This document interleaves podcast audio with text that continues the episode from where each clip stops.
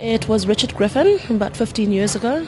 You know, he as a youngster, he started off washing dishes, then went through school and all of that. So he actually felt like a gypsy. And the word um, zingara is a word for gypsy. And it's a whole story of how the gypsy, you know, left overseas, came through to Africa and started building a home. And he built a home with a little restaurant and um, had a little child called Carola Zula. And they both um, had an accident, burnt down. And from that, the concept of, well, I was a gypsy before, so we gypsies travel around in tents. So this is the whole concept came about. But it was all mainly because he's got such a magical brain. He, you know, it's, it's a fantasy.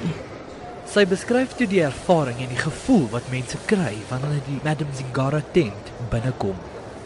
It's an adult playground. As, as an adult or grown up, when you see children playing around and they're having so much fun without a care in the world of what's going to happen uh, a bit later, you're not thinking about later. This is exactly what this is. It's just for adults. We don't have a lot of places that you can take that and breathe out and, you know, have your, your drinks and, and take the shoes off and wear that ball gown that your friends told you you should never ever wear that. That's what you wear here. And you feel free and you actually let go. The minute you walk through our doors, most of the things that I say, because I also um, host right in the front, and I say, let go of anything that you're thinking of. Nothing really matters at the moment until you step out again. You step out of reality into a magical world. Then stay in the magical world and enjoy it. And reality will follow on later. Lillian vertel toe wie is Madam Zingara? Madam Zingara would actually be Richard Griffin. Like I say, it's a true story, but it's a fictional story. That was his concept and everything that came through to him, but because he felt like a gypsy and that was life. For now, for us, I suppose for the gypsies and the people out there who feel like they, they, they've been made to feel like they belong, this is where they get to be free, be adventurous, and be themselves. You know, in my thought, I'd love to say Madame Zingara is our little queen, our little goddess of a magical world. Daar's so groot verskeidenheid kunstenaars wat by Madam Zingara optree. Lillian vertel waarop mense mees reageer. I think that's a difficult question to answer.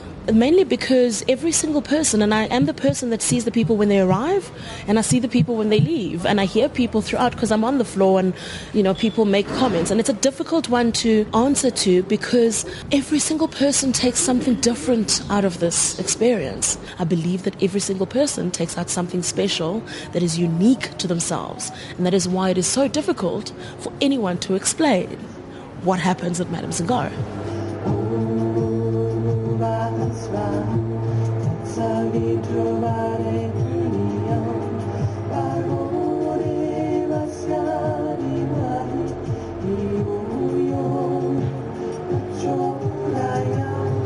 Ek het toe met Cathy spesifiek gepraat oor wat hierdie jaar soveel anders en beter maak as vorige jare.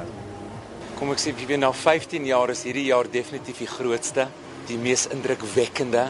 Dis regtig soos hulle in Engels sê large scale, bigger, better, bolder, brighter. Jy weet 'n mens kan nie eintlik groter gekry as wat ons nou is nie. Cathy het toe verder uitgebrei oor hoe die tent eintlik lyk. Dis asof 'n ster ontplof het. Dis net 'n weerkaatsing van lig um teen spieëls. Um daar's duisende spieëls in hierdie tent. Dis die grootste tent van sy soort in die wêreld. En haar naam is the Queen of Flanders. En dit dis net hierdie fantasiewêreld wat mense nog nooit beleef het nie. Nog altyd wou kom kuier, um, maar nog definitief nooit beleef het nie. Dis dis is soos 'n sprokieswêreld. Jy moet in die tent wees om dit te kan beleef. Van 'n kunstenaar se perspektief af is dit seker net soveel pret as wat dit werk is. Bianca Lagrange, sangeres en deel van die groep The Specifics, vertel ons toe meer. Ek wou altyd uh, Mering Zingara toe gekom het en um, nog nooit 'n opportunity gekry om om die show te kom kyk nie. En um, toe ek hoor hulle het audisies, ek het die opportunity gegryp. Maar vir my gaan dit oor 'n experience. Dis 'n sirkus hierdie. Wie wil nie deel wees van 'n sirkus nie? Die mense hier is talentvol. Baie van die die acts is van verskillende plekke. So uh, dis lekker om met sulke mense 'n stage te deel. Ja, dis dis is so Alice in Wonderland tipe ding waar jy in 'n tent ingaan and it transforms into this magical place. So it is magic vir my en um, ek is nou deel van die cast, so ek's deel van daai magic.